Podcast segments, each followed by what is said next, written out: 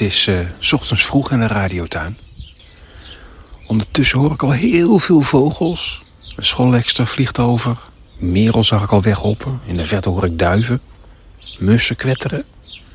En ik praat een beetje zacht omdat ik nu vlak bij een nestkastje sta... waar koolmezenjongen in zitten. Papa en mama koolmees komen steeds aanvliegen met iets in hun bek.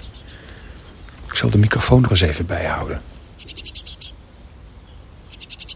En heel af en toe zie ik in het vogelkotje...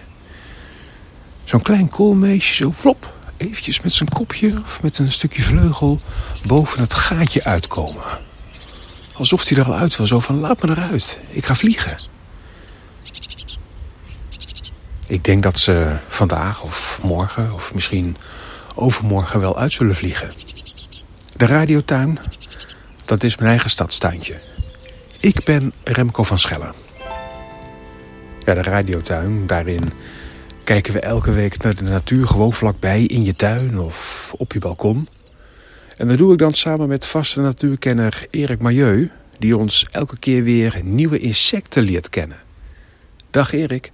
Goedemorgen Remco. Zullen we een spelletje gaan doen? Oh, dat is leuk. Oké, wat is dit? Dat klinkt als het uh, lage geluid van een hommel. En wat is dit?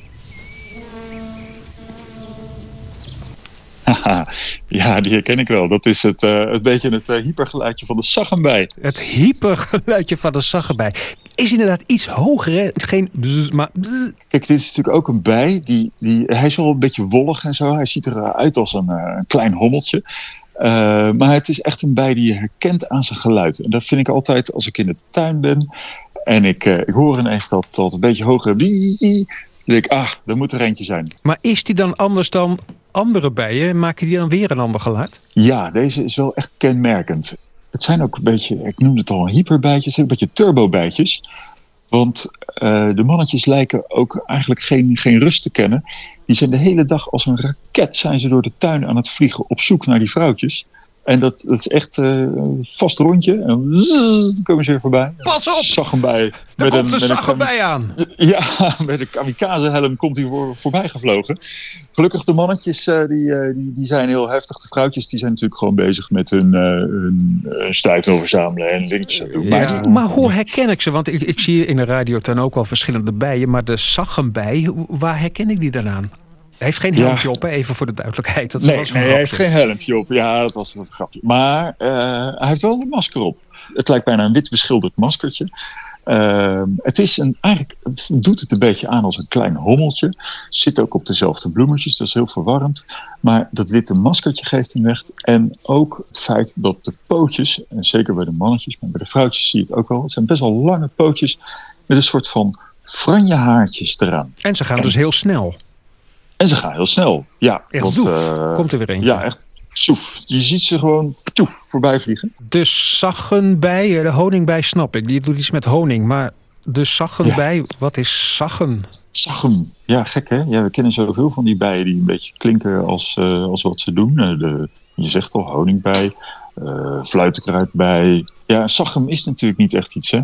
Behalve, en dat, dat geeft al een beetje weer hoe, hoe onze bijen hun naam hebben gekregen. Uh, dat is in die tijd van de cowboys en de indianen eigenlijk nog.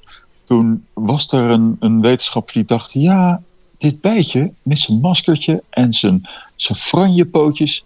die doet me een beetje denken aan die wilde indianenstammen. Het is ook een indianenstam. En weet je toch vroeger dat je cowboys en indianen... van die broeken met van die franjes eraan... Ja, jazeker. Daar vond dus deze persoon hem een beetje op lijken. Nou, en zo komen die ja. dus aan hun naam, de Sachem, bij.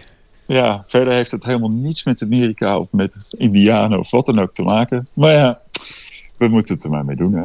Zie je hem trouwens vaak al bzz, voorbij vliegen? Ik, ik zag hem vroeger meer. Ik vind het wel een vrij wat zeldzamer wordend bijtje.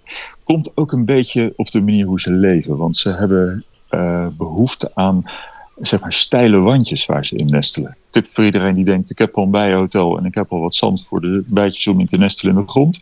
Leg eens een keer een heuveltje aan. Dat vinden ze ook fijn. Zo herkennen we hem dus. Leuk, de bij. Weer wat geleerd. Erik Milieu, dankjewel en tot volgende week. Hè. Graag gedaan. Tot volgende week Remco. Nou, die kende ik echt nog niet. De zaggembij. Daar ga ik eens op letten. Zo'n bij die bzz, heel snel langs komt vliegen. Alle babbels met Erik vind je op radiotuin.nl. Daar zal ik ook laten weten hoe het verder gaat met de koolmezen. En als jij een mooi tuinverhaal hebt of een vraag aan Erik, laat me weten. Dat kan via het formuliertje op radiotuin.nl. Tot volgende week.